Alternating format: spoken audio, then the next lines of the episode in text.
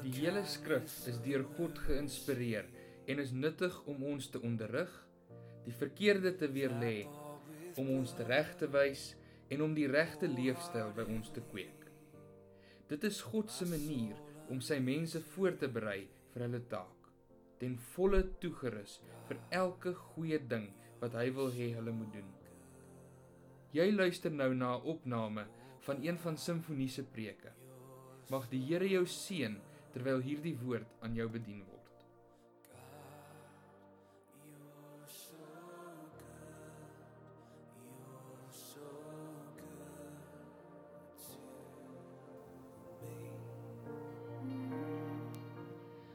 Goeienaand gemeente. Ek glo en vertrou dit gaan goed met elkeen van julle. Ekskuus nou dat ek so 'n bietjie lank gevat het. Ek was so 'n bietjie kleurblind met hierdie ligte wat nou op hierdie geel geskyn het. Ek uh, maar ek sê ek sê vir een van my pelle ek raak nou oud. Uh. Dit ek ek die oë werk nie meer soos wat dit moet nie. Gelukkig hoor ek nog en ek kan nog praat en ek kan nog staan, né? So dis dis goed. Ek is ek is bevoorreg om vanaand saam met julle die woord te kan oopmaak en bietjie met julle te kan deel oor wat die Here op my hart gelê het. En ek glo en vertrou dat jy gaan vanaand hier wegstap met 'n nuwe ywer in jou hart vir die Here. Met 'n nuwe liefde in jou hart vir hom, met 'n nuwe commitment as ek dit so kan stel om bietjie beter te doen. Bietjie beter te doen in 2020. So vanaand is nou die dis die tweede Sondag in Januarie en ek weet dat as jy vanaand hierso sit, dan is jy op soek na meer van die Here se plan in jou lewe. Is is dit so? Eh, meer van sy gees wat werk in jou lewe. Meer van die werklikheid van God wat in jou lewe 'n volhoudende rol speel. Amen. Hoopelik is jy nie vanaand hier om my net te kom uithoor nie, maar om van die Here te hoor. En ek glo dat ek vanaand vir jou 'n woord het. 'n Woord van aanmoediging en dalk klein bietjie vermaaning. Mag die Here sy woord, Pastor Jacques. Mag die Here sy woord in ons midde stig. Nou, ons 2420 'n baie baie spesiale verjaarsdag. Simfonie is as die Here wil hierdie September maand 60 jaar oud. En 2020 is ook by Simfonie die jaar van groter, breër en dieper. Ons moet net versigtig wees, ons moenie vir mekaar sê ek hoop jy word groter nie nê? Nee, ek hoop jy word breër nie. Maar mag jou verhouding met die Here, mag jou lewe se grondgebied vergroot. Mag die invloed wat jy vir die Here het breër raak. Mag die verhouding wat jy met die Here het verdiep in 2020. Hierdie tema is gebaseer soos julle kan sien hier agter my en op die skerm op losweg gebaseer op Jesaja 54 vers 2 tot 3 wat lees: Maak die plek van jou tent wyd en laat hulle die doeke van jou tentwonings oopspan. Verhinder dit nie. Laat jou maak jou lyne lank en slaan daai tentpenne styf in want jy sal regs en links uitbreek. Jou nageslag sal nasies in besit neem en verwoeste stede weer bevolk. En as die Here wil volgende Sondag is ons visie Sondag. Ek wil jou uitnooi om te kom hoor by Pastor George wat hierdie teksgedeelte vir ons in 2020 beteken. Maar ek het ek het 2020 nogal met 'n groot verwagting begin. Ek is ek is nie normaalweg iemand wat voor die vieslike versoekings van voornemens soeg nie. En daarom het ek 2020 bietjie aangepak met 'n paar doelwitte eerder. Ek het seker gemaak ek gaan sit en ek gaan dink, waarheen is ek op pad in 2020? Ek het myself die vraag gaan afvra, is ek tevrede met waar ek was aan die einde van 2019 as persoon, as kind van God of wil ek verbeter? Het ek in 2020, hier hier is 'n moeilike ene. Het ek in 2020 iets bereik wat die moeite werd was of nie? Het 2019, ekskuus, het ek in 2019 iets bereik wat die moeite werd was? 2020 is nog op pad, nê? Het 2019 beter geëindig as wat hy begin het of nie? Ek moes vir myself op 'n paar plekke in die spieël kyk en sê, "Ebenhou wil, jy kom beter." Hoekom het jy nie? En ek moet vir jou sê toe pastor George met die beheerraad hierdie visie gedeel het, het daar onmiddellik iets in my opgespring wat gesê het: "Eben, jy moet sorg dat jy in 2020 daadwerklike stappe neem om te groei as persoon en as kind van God. En ek het toe gaan sit en ek het spesifieke doelwitte gaan neerskryf wat die Heilige Gees in my kom wakker maak het. Doelwitte ten opsigte van siel, gees en liggaam. En ek het al drie hierdie doelwitte, hierdie vlakke het ek gevat en ek het gaan kyk.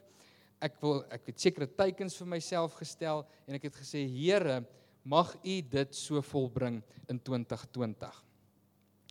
En dit was dit was 'n baie ontdekkende reis geweest. Ek het dit ek het ek het regtig nogal bietjie gaan sit en dink, Here, wat wil U van my af hê in 2020? Maar ek ek los dit nou nie net vir U nie, ek los dit vir myself ook, maar ek los dit aan U voete. En ek gaan dit opneem en ek verwag, Here, dat U my sal te hulp snel, want U Heilige Gees het dit in my wakker gemaak. Mense kan seker sê tot 'n mate het ek met die hulp van die Here 'n plan op gaan trek om my tentpenne 'n bietjie weier uit te slaan. Om die grondgebied waar ek op waarop ek vir hom werk effektief en meer doeltreffend te kan bearbei. Ek wil vir die Here iets beteken, man. Ek wil vir die Here iets beteken.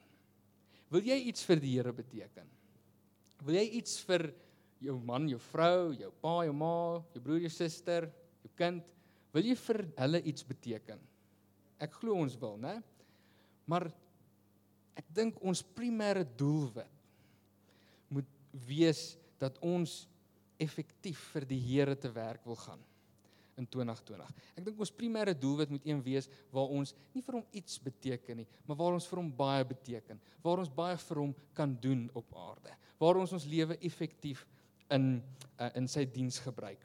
En daar's verskeie maatstawwe wat ons kan sekerlik gebruik om te om te kyk, ja, is ek beteken ek iets vir die Here of nie? Maar die eintlike ware maatstaf, die enigste ware maatstaf, die enigste meetstok wat reg ingestel is, wat nie 'n made in China lineaaltjie is nie. Maar die enigste ware maatstaf is die woord van God. En daarvolgens, hiervolgens kan ons bepaal beteken ons iets vir die Here. En as ons wil sien, hoe moet ons as die volgelinge van die Here optree? Hoe moet ons te werk gaan? Wat moet ons doen? As hy nie soos wat ek nou voor julle in persoon staan, as hy nie so in persoon by ons is nie, dan is daar 'n daar's 'n blou druk amper wil ek sê, 'n plan in die Bybel. En dit vind ons in die boek Handelinge. Jy kan sōlank daar oopmaak as jy wil op julle Bybels. Handelinge is direk geskryf net nadat Jesus opgevaar het hemel toe en hy die werk van God in sy disippels se hande gelos het. Die boek Handelinge het 28 hoofstukke. Hy sluit nie af met 'n amen nie. Wie wat beteken wat beteken dit? Dit beteken ons skryf vandag aan Handelinge hoofstuk 29. Ons is die kerk van God wat moet daai werk voortsit. Ons is sy volgelinge, sy kinders wat wat sy werk op aarde moet moet voortsit. En as ons kyk wat gebeur in Handelinge, daar's verskeie genesings aangeteken. Duisende mense kom tot bekering onder onder die prediking van 'n paar mense wat gegaan het en Jesus gaan verkondig het. Mense is uit die dood uit opgewek. Profesie was alledaags. Dit was nie snaaks as iemand na jou toe kom, hulle sien jou op straat en hulle sê vir jou die Here sê vir my dit en dit en dit gaan aan in jou lewe, maar hy kan vir jou 'n uitkoms bring. Dit was nie snaaks gewees in die boek van Handelinge nie. Daar het nie mense gestroom na 'n kerk toe as daar so 'n profeet daar gekom het nie, man dit het sommer op straat gebeur. Maar daai is hoe ons vrug moet lyk. Dit is wat na voorskyn moet kom as gevolg van iets wat ons alreeds andersins begin doen het. Dis nie iets waarby ons net ook begin nie. Want as dit iets was waarby ons net sou begin het, wil ek jou vra, nou hoeveel mense het jy nou al toe gegaan die laaste week op straat en gesê, "Jong, die Here sê vir my ek moet vir jou bid vir daai been wat so seer is." Dit gebeur nie, is dit so? Dis nie iets wat wat waar jy by begin nie. Daar is 'n fondasie wat gelê moet word. So waar en hoe lê hoe hoe kom ons by hierdie fondasie uit? Waar is die saad wat hierdie wonderlike vrug na vore bring? Is daar iets soos dit? Is daar ergens waar ons moet begin? Is daar ergens 'n wenresep wat dit sal voortbring sodat ons kan sê soos ek hoop ek ek Ek hoop julle almal ken haar. Onthou julle daai vrou op YouTube Suzelle DIY? En as sy nou dan doen sy 'n plug. Dis waar ek geleer het om 'n plug om te ruil by the way. Okay? Gaan gaan julle kan daai channel gaan kyk. Dit is dis legit, né? Nee? Dan sy sy eindig elke elke video dan sê sy There's it. Is daar so wenresep dat ons vir sy kan sê there's it. Ek glo daar is. Ek wil vanaand met jou praat juist daaroor. Vuur wat volhard. 'n Wenresep vir die ware kind van God. Nou, in Handelinge hoofstuk 2 lees ons van die wonderlike gebeurtenis waar die disippels van Jesus vir die eerste keer die doping in die Heilige Gees ontvang het. Jesus self het gesê voordat hulle iets moet gaan doen, moet hulle wag totdat die doping in die Heilige Gees oor hulle uitgestort is, totdat die Heilige Gees oor hulle uitgestort is. Hulle moet wag sodat hulle dan met hierdie kosbare gawe van die Heilige Gees kragtige getuies vir hom kon wees in hulle stad, provinsie, land en ja selfs in die wêreld.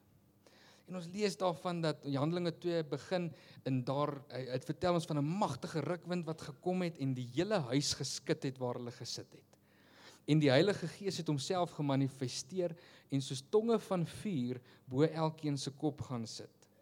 Hulle het in vreemde tale begin praat en die naam van die Here so groot gemaak. Soveel so dat dit buite in die straat gehoor kon geword het.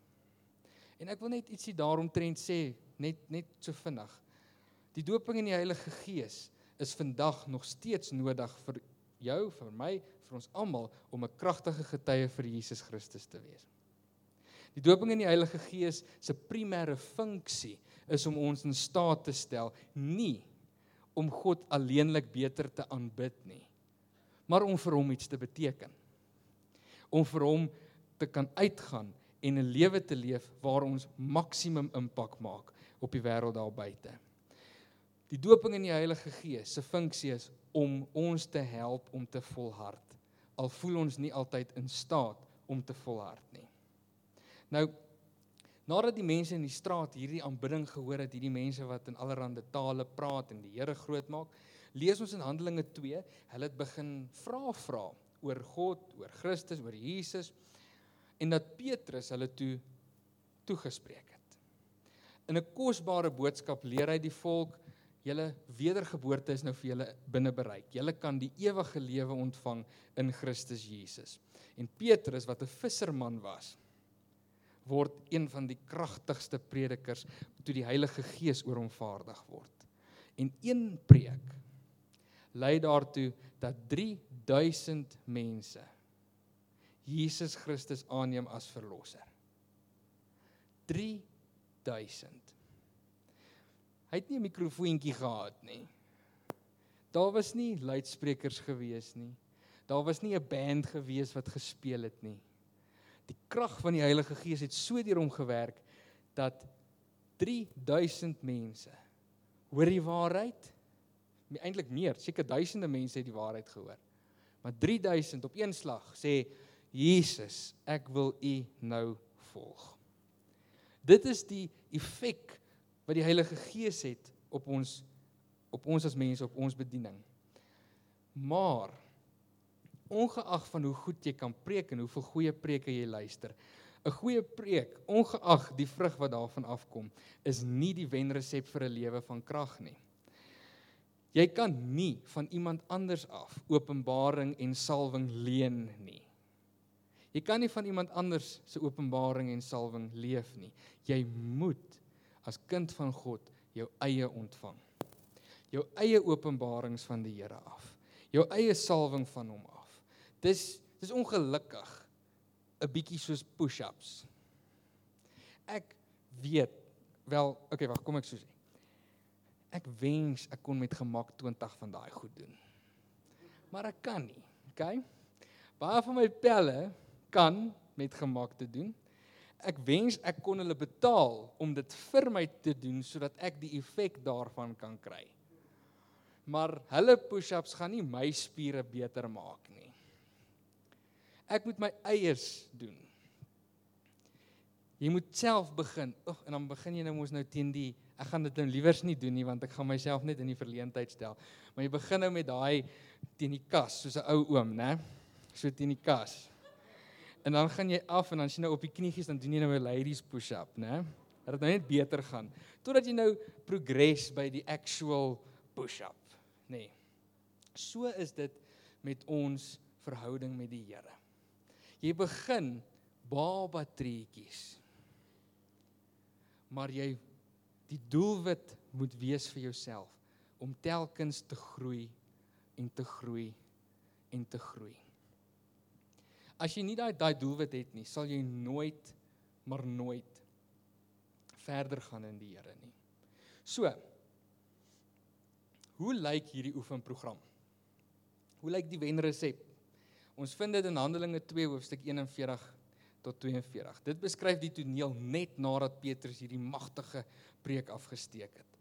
Daar staan: Die wat toe sy woord met blydskap aangeneem het, is gedoop en daar is op die dag omtrent 3000 siele toegebring. En hulle het volhard in die leer van die apostels en in die gemeenskap en in die breking van die brood en in die gebede. Die eerste baie belangrike bestanddeel in hierdie wenresep is ware wysheid. Nou wat is wysheid? Spreuke leer vir ons dat ware wysheid begin by die dien van die Here. In vers 41 het 3000 mense wysheid ontvang toe hulle besef ek moet begin om die Here te dien. Maar ek dink hierdie tipe wysheid kom as gevolg van 'n ander dieper besef. En dit is jy besef jou dae aan hierdie kant van die graf is getel. Jy het nie 'n jy het nie 'n onbeperkte leeftyd nie. Moses skryf in Psalm 90 vers 12, hy sê leer ons om ons dae so te tel dat ons 'n wyse hart mag bekom. Hy bid en vra die Here, Here, help my om te onthou dat ek eendag gaan sterf en dat ek met die dae wat ek dan hier op aarde het, U sal dien. Nou, hoe jonger 'n mens is, hoe verder voel die dood vir jou. Hoe jonger 'n mens is, hoe moeiliker is dit om te besef dat ons gaan eendag 'n eindstreep bereik. Hoe jonger ons is, hey, ons dink ons het nog baie daaroor. Maar die probleem is almal het 'n wenstreep. Daar is 'n eindstreep getrek.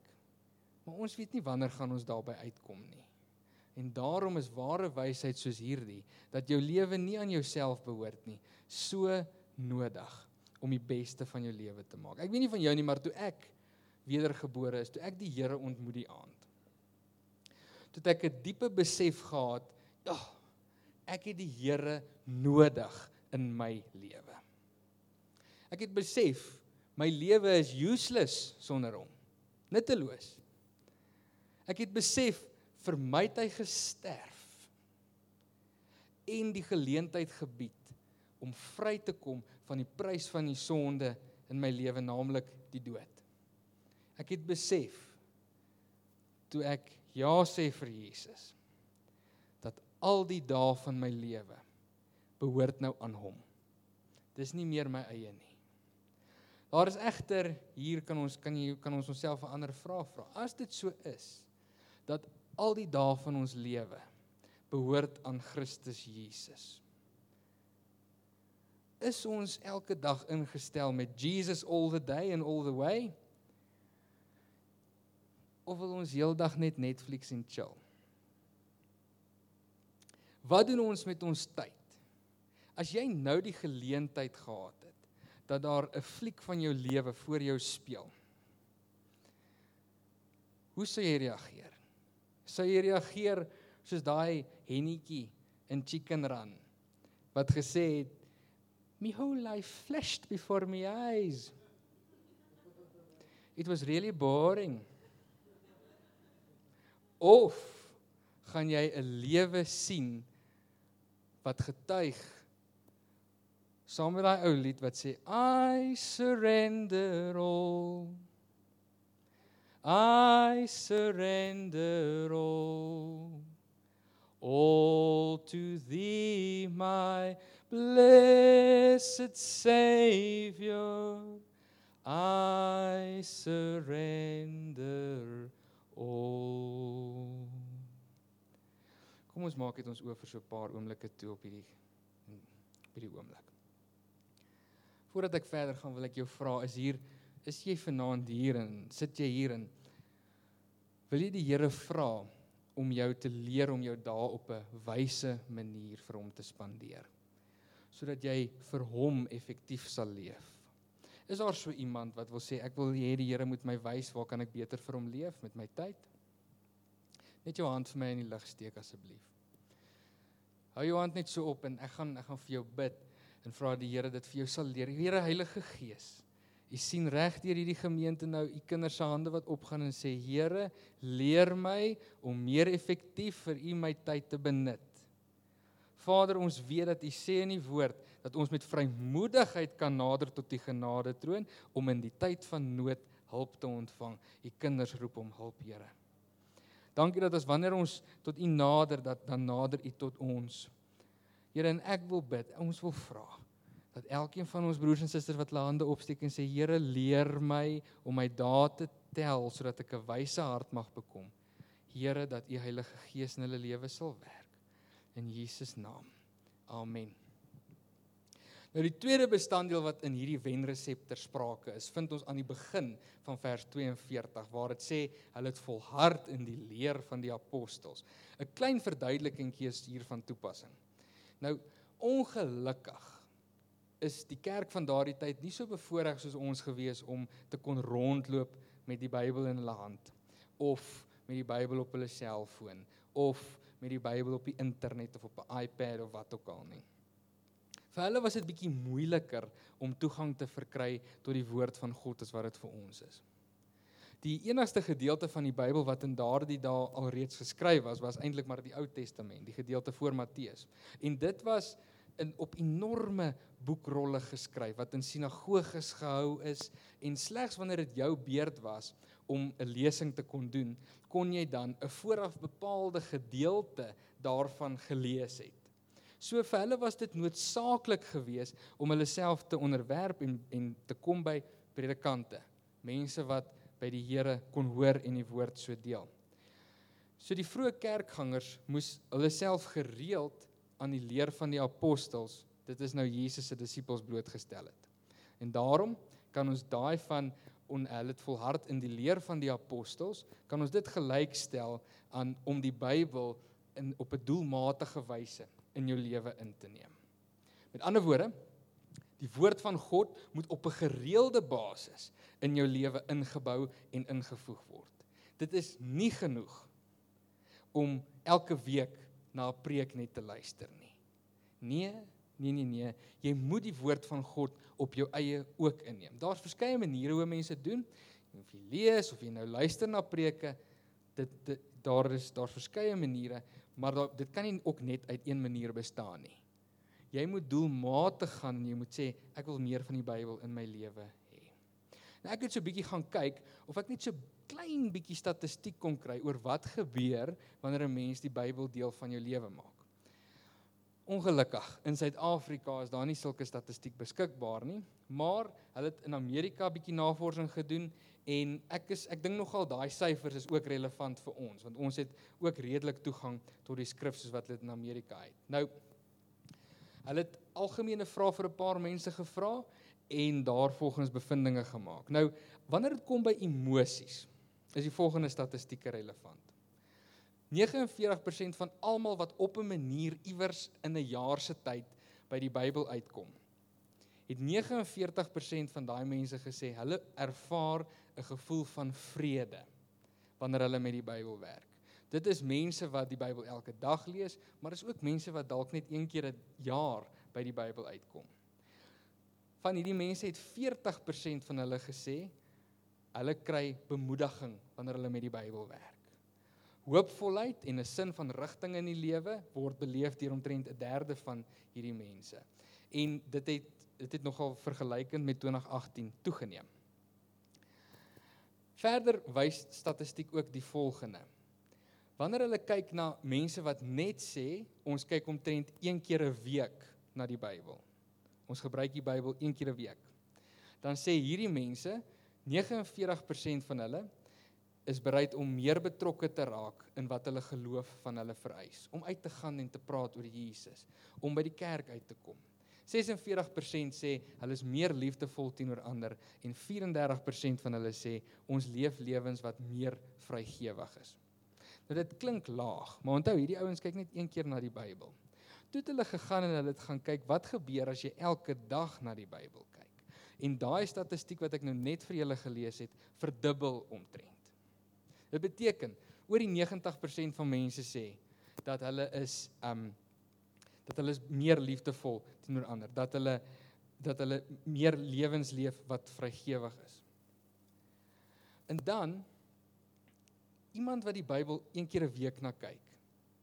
Van daai mense sê oor die helfte dat hulle 'n beter koneksie het met die Here, dat hulle meer bewus raak dat hulle die Here nodig het en dat hulle meer nuuskierig is om die Here te leer ken. En weer eens neem dit drasties toe as hulle kyk na die ouens wat elke dag hulle Bybels gebruik. Een wat my nogal die laaste statistiek wat my wat ek wil noem wat my nogal geraak het was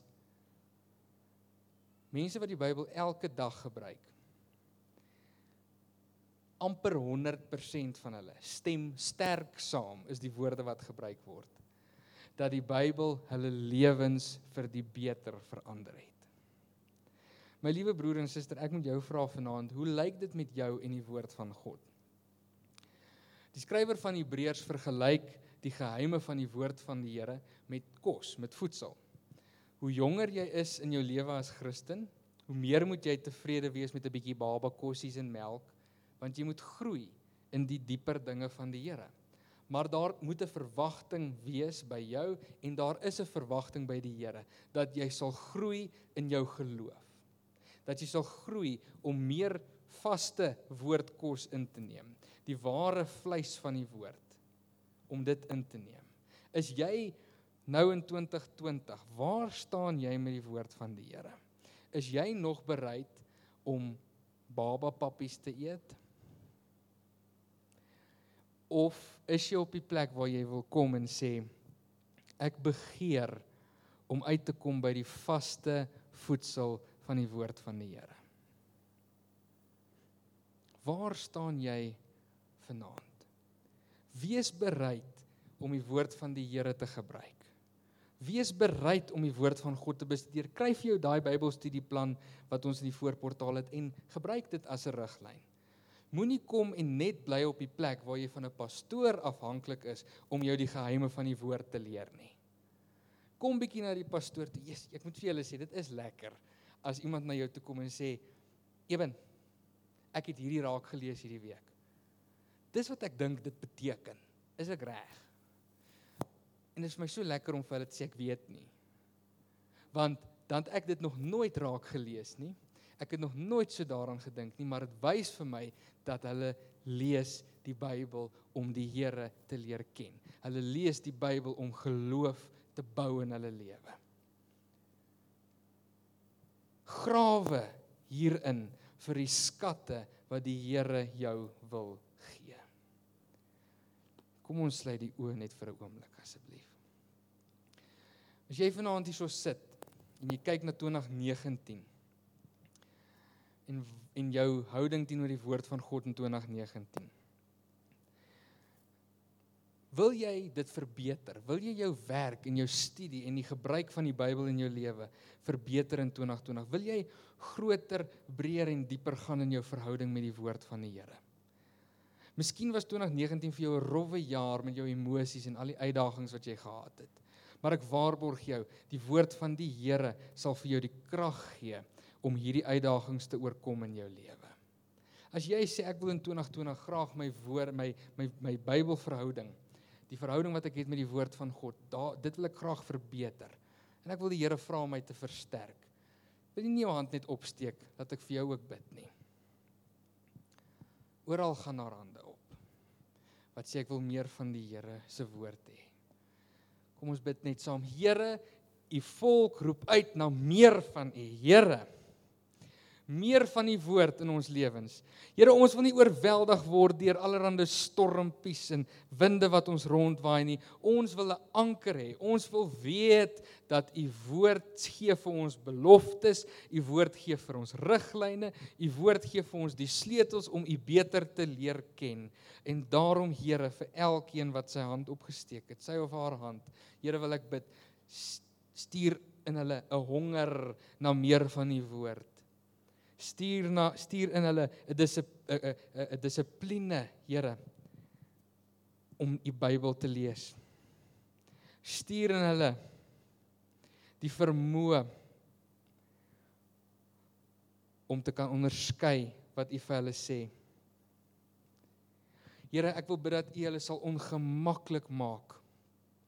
Ongemaklik maak as hulle 'n dag se lees mis en dat U hulle sal roep en sê kom hoor wat ek vir jou wil sê in Jesus naam.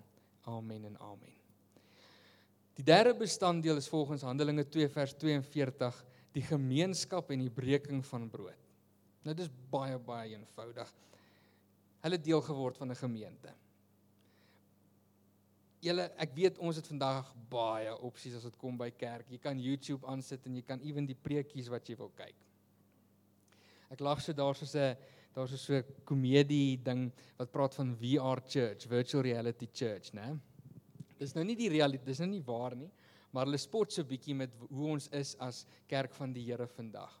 En dan sê hulle jy kan nou kies, dan kies jy nou jou jou kerktradisie wat jy nou wil hê, wil jy Pinkster wees en ge kerk, wil jy Little Falls wees, wat ook al jy wil wees. En dan dan dan kies jy dit nou en dan kan jy nou kies hoe baie gesingery wil jy hê? OK? Hoe baie wil jy, hoe gou wil jy hê moet die diens klaar maak en hoe baie wil jy hê daar moet oortuiging wees in die preek? Kan jy dit nou kies en dan net betyds vir die vir die voetbal of vir die rugby op TV kan jy dit dan nou afsit en jy kan in die gemak van jou huis nou kerk gegaan het en so. Dit klink absurd as ek dit vir jou vertel, nie waar nie? Maar hoe baie van ons gaan nie om in die lewe met daai houding teenoor die kerk van die Here nie. Hoe baie van ons soek nie 'n plek wat ons maar van hou en dit moet maar nou net so bly nie want as hulle een ding verander dan wil ek nie meer daar wees nie. Nee. Hierdie ouens in Handelinge het geweet ek moet deel wees van die geloofsgemeenskap van die heiliges.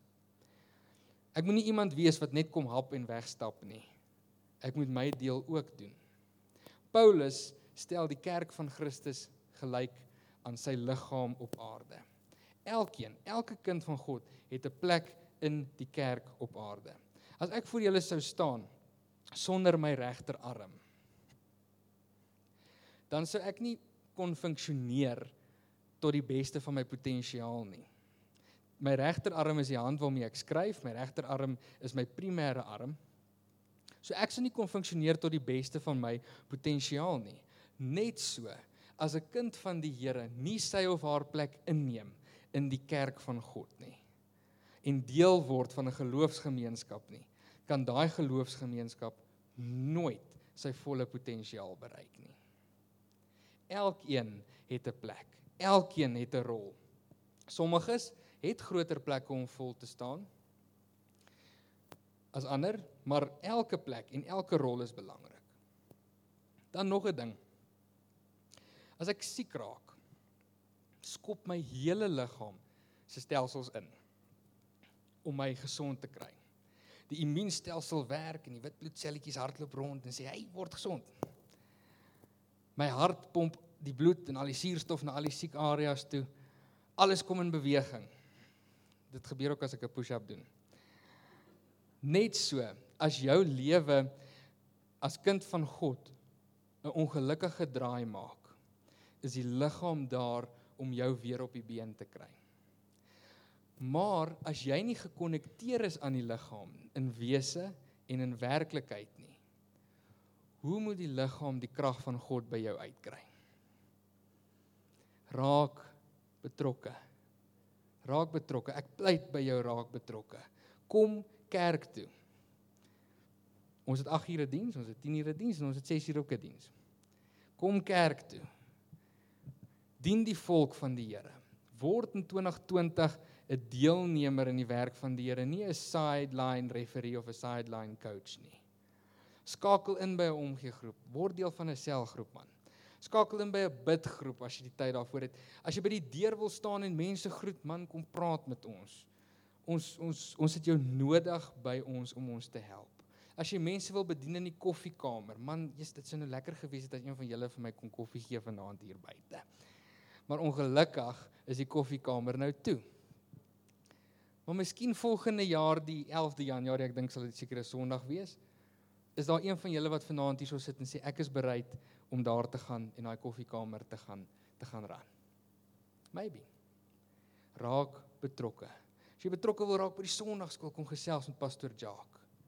Daar is altyd 'n plekkie vir jou as jy wil help. Jesus het gesê dat as een van ons groot wil wees onder ons broers, dan moet ons bereid wees om hulle te dien. Kom ons sluit die oë vir 'n paar oomblikke. Wie van julle wil graag in 2020 'n bietjie beter word as dit kom by jou inskakeling by die geloofsgemeenskap? Wie van julle wil graag in 2020 jou betrokkenheid by die kerk vergroot, verbreed en verdiep? As dit jy is, wil ek jou vra, steek jou hand op, ek wil vir jou bid vanaand. Daar is hande wat oral opgaan.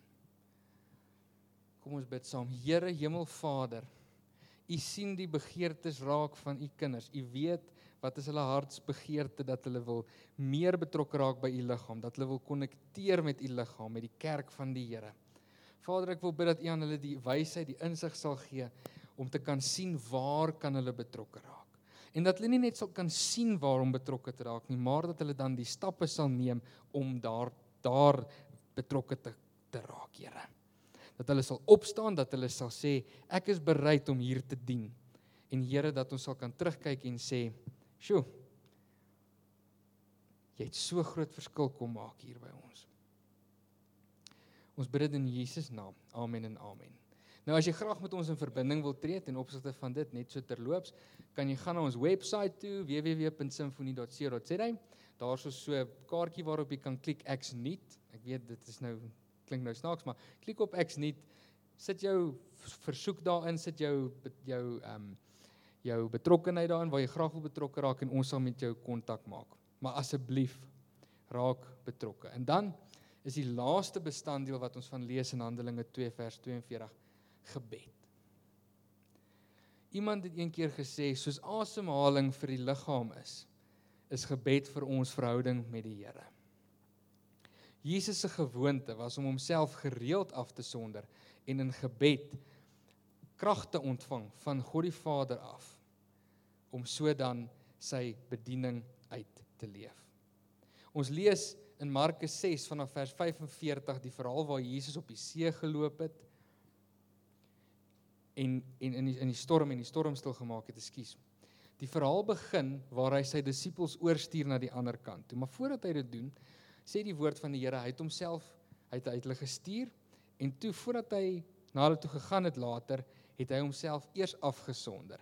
En in die afsonderingstyd op die berg het hy gesien hulle is nou in die moeilikheid. Ek moet hulle gaan help. Gebed doen dit. Dit bring vir ons insig. Dit bring vir ons wysheid. Gebed bring vir ons krag. Gebed laat ons toe om dinge te sien wat ons daarsonder nie sou kon raak sien nie. Maar sonder 'n gewoonte van gebed is 'n betekenisvolle lewe as Christen onmoontlik. Gebed moet jou stuurwiel wees.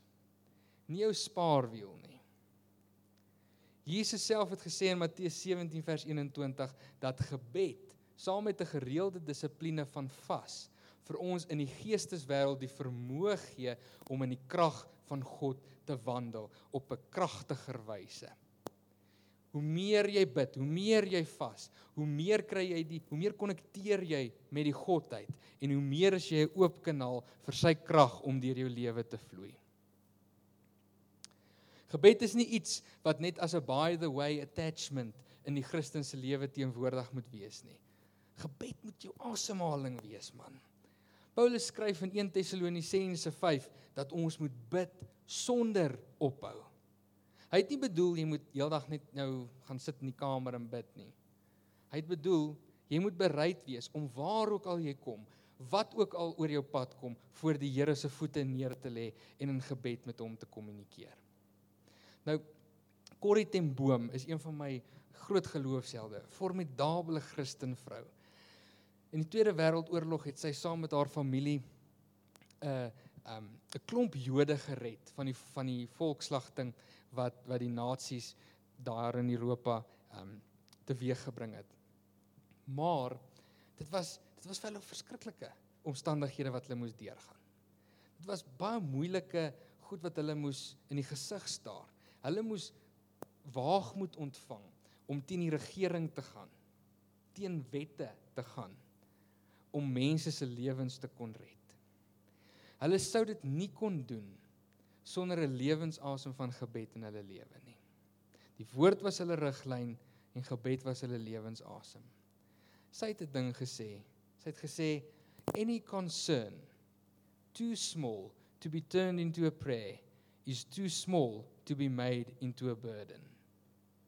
Sy het geskryf met ander woorde, as jy nie bereid is om met 'n sekere saak voor die Here te gaan in gebed nie, is daai saak dit nie eers werd om oor te bekommer nie. Kan jy nou sien hoekom is dit belangrik om oor alles te bid? Buiten die verwagting dat ons as Christene mense sal wees by wie gebed 'n kardinale rol speel, het Jesus ook aan ons die verwagting gestel dat ons moet by hom ontmoet in die binnekamer. So hoe lyk daai komponent van jou gebedslewe? Kom ek vra jou gou. Julle wat getroud is of dalk in 'n verhouding is. Hoe maklik is dit vir jou om 'n date te kanselleer? Dit seker nie so maklik nie. Sommige so 'n paar minute voor die tyd. Hey liefie, ek gaan dit nou nie maak nie. Hoekom nie? Ek slaap. Dink julle sy gaan tevrede wees daarmee? Ek dink nogal nie so nie. As jy dalk dokter toe moet gaan, hoe hoe maklik sal jy jou afspraak daar misloop? Of hier is 'n ander groot een in ons tyd en in ons konteks vandag. As jy afspraak het om jou lisensie te hernie by die lisensiekantoor, hoe maklik sal jy daai afspraak misloop? Maar hoe dikwels is ons bereid om afsprake met die Here wat ons vroeër gemaak het in ons kop uit te stel of dalk selfs heeltemal af te stel? Wat is makliker as jy laat slaap en in lê om vir jou baas te sê jy's laat omdat jy wou laat slaap of om net vir die Here te sê sorry, ek sal weer probeer. Is dit makliker om vir jou man of jou vrou te sê jy wil nie nou 'n movie kyk nie of is dit makliker om te sê Here, ek sal later bid? Dis nogal 'n moeilike vraag, nê? Een van my pelle het die gewoonte dat hy actually 'n fisiese afspraak maak in sy Google Calendar om met die Here tyd te spandeer in gebed en in Bybelstudie. Die verwagting is daar dat hy hy sê, ek verwag die Here om my daar te ontmoet as ek opdaag. En daarom is dit vir hom baie moeiliker om so 'n afspraak uit te stel of te kanselleer. Gebed is 'n ernstige dissipline, geliefdes. 'n Mens moet committed wees om daai dissipline te kweek. Maar ons moet ook op ons hoede wees vir die duiwel, want hy gaan probeer om jou weg te kry uit 'n rotine uit, uit jou dissipline uit, uit gebed uit. Want hy weet die kerk van God wat op sy knieë is is 'n kragtige instrument in die hand van die Here. Kom ons sluit ons oë vir so 'n paar oomblikke op hierdie oomblik. In 2019 het ons gesê niks is vir God onmoontlik nie. Maar in 2020 stel ons aan onsself die uitdaging: Here, ons wil vergroot, ons wil verbreed, ons wil verdiep in ons verhouding met U. En dit impliseer dat ons mense sal word van gebed. Dit impliseer dat ons dalk moet gaan, ons moet ons TV's wegbêre. Ons moet dalk ons ons elektroniese toestelle wegbêre. Maar Here, ons wil mense wees wat gekenmerk word deur 'n lewe van krag, 'n lewe van goddelike krag, 'n lewe wat 'n verskil kan maak. Vir ons om dit te kan doen, Here, moet ons die krag van U af ontvang en ons kan dit op geen plek as gebed dit ontvang nie. As jou begeerte vanaand is as as die Here met jou nou praat en vir jou sê, my kind, jong, ek verlang na jou. Ek mis jou. Ek het so lank laas gehoor hoe jy met my praat. Wil jy nie maar bietjie meer gereeld te doen nie? As as dit jy is, wil ek wil ek jou vra, steek jou hand op. Ek wil vir jou ook bid op hierdie oomblik. As jy sê ek wil my gebedslewe vergroot, ek wil nog meer tyd in gebed by die Here spandeer. Here oral waar die hande opgaan, is dit u kinders wat wat wat reageer op u roepstem en sê Vader, ek wil met u praat. Ek wil met u kommunikeer. Here, ek wil ek ek wil 'n lewe van krag kom leef. Maar Here, dis nie moontlik as ek dit doen sonder gebed nie. Here, help my om raak te sien wat verhinder my om te bid. Help my om raak te sien om te wat wat steel van my gebedslewe en Here help my om die regte strategieë in plek te kry sodat dit nie sal gebeur nie. My tyd saam met U is te belangrik om prys te gee. O Heilige Gees, salf U kinders dat hulle sien, dat hulle kan sien waar wys U vir hulle uit op hierdie oomblik waar moet hulle verander? En wat moet hulle doen om gebed 'n groter deel van hulle lewe te maak? In Jesus naam. Amen en amen. Om jou af te sluit, wil ek graag 'n ware verhaal deel. Ons gemeente het hierdie week saam met oom Gerry, Marike, George, Adeline, Karina en Eddie 'n geweldige skok ontvang met die afsterwe van Tannie Linda. As jy vanaand hier sit en jy Tannie Linda nie geken nie, sy het daar in daai stoel daar gesit in die voorste ry. Jy sal haar onthou want sy het elke diens bygewoon as sy nie met vakansie was nie of as sy nie siek was nie. En sy het elke diens daar gesit. Ons het gister het ons die voorreg gehad om haar lewe te vier. En ek was oorweldig geweest toe ek in die kerk inry en in die in die parkeerarea oor die hoeveelheid karre wat alreeds 'n halfuur voor die tyd hier was. Die parkeerarea was vol. Soveel mense het gekom om aan haar laaste eer te betoon. Die kerk was letterlik stampvol geweest. En persoonlik was dit een van die grootste afskeidsdienste wat ek al in my lewe bygewoon het. En as ek myself sou moes vra, waarom het so baie mense hier aangekom om haar hierdie eer te toon? Is die antwoord baie eenvoudig. Sy was 'n vrou wat in die kleine getrou was en daarom oor vele die salwing van die Here ervaar het. Ek was bevoorreg om letterlik vir Tannie Linda vir my hele lewe te kon ken. Ek en Karina het daar in daai laaste gry van die groenbanke het die moederskamer was daar waar die voorportaal nou is. Ons het saam daar onder die banke aan die slaap geraak. En dan as pastoor Rode preek, hy was so houtkansel gewees, so houtpreekstoel. As hy preek en hy raak opgewonde, dan slaan hy die kansel so en versteur ons slaap so bietjie. En ons skrik wakker, maar dit was goeie tye gewees. En soos die tyd aangestap het, het tannie Linda vir my baie meer geword as net nog 'n tannie in die kerk. Ek kon insig kry vir al die laaste paar jaar oor hoe sy haar lewe leef. Sy was iemand wat ware wysheid geken het. Die Here het dit aan haar openbaar dat haar lewe aan hom behoort en sy moet elke dag inrig om hom te dien. Sy het die eerste bestanddeel van daai wenresep gehad. Sy was ook iemand wat die woord van die Here in haar lewe ingebou het. Elke keer as ek daar voor 'n aanddiens by haar gesit en gesels het, dan sal sy vir my een of ander nuwe vers of openbaring gee wat sy wat sy raak gelees het. En dan gesels ons net lekker oor die Here. Sy het die tweede bestanddeel van die wenresep gehad. Dan, jong, sy was amper soos die ambassadeur van simfonie gewees. Sy het ervaring gehad in baie van die bedienings wat wat tans nog by simfonie op die been is. Sy het moeite gedoen om met baie mense in die gemeente die oorgrootste meerderheid 'n vorm van verhouding te hê.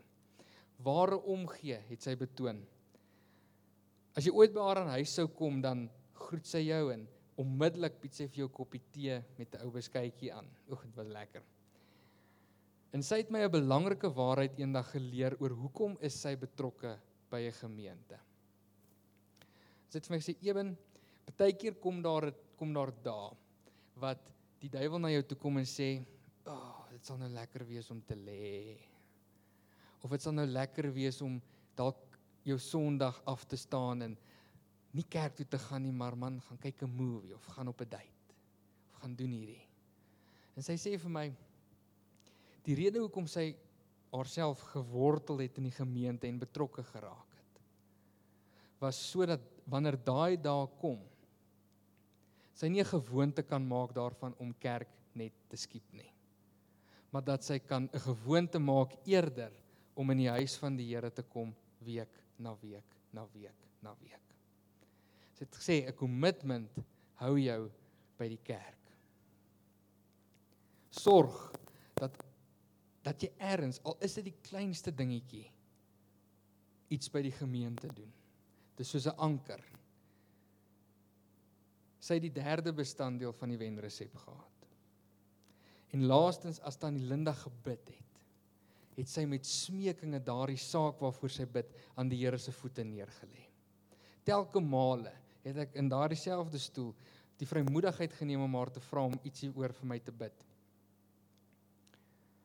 En dan weet ek tannie Linda gaan vir my bid.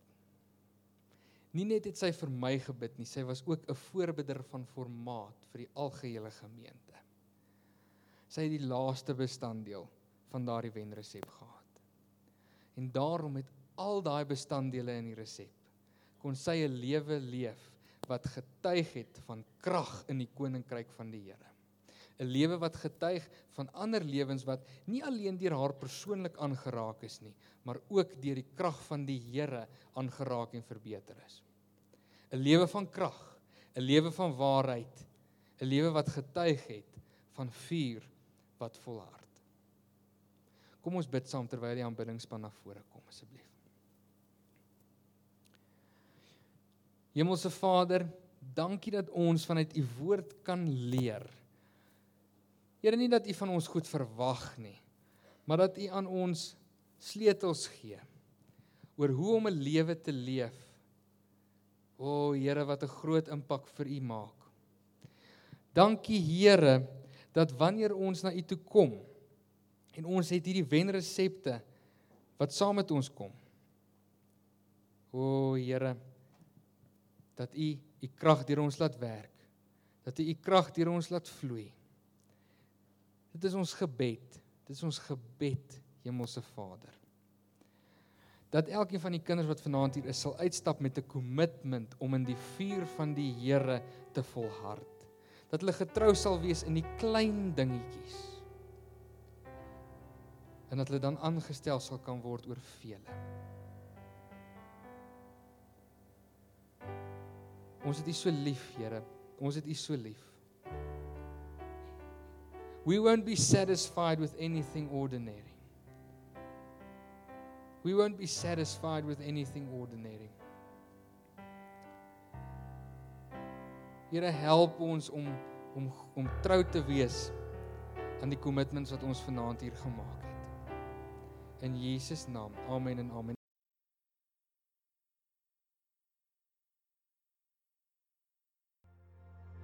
Oh.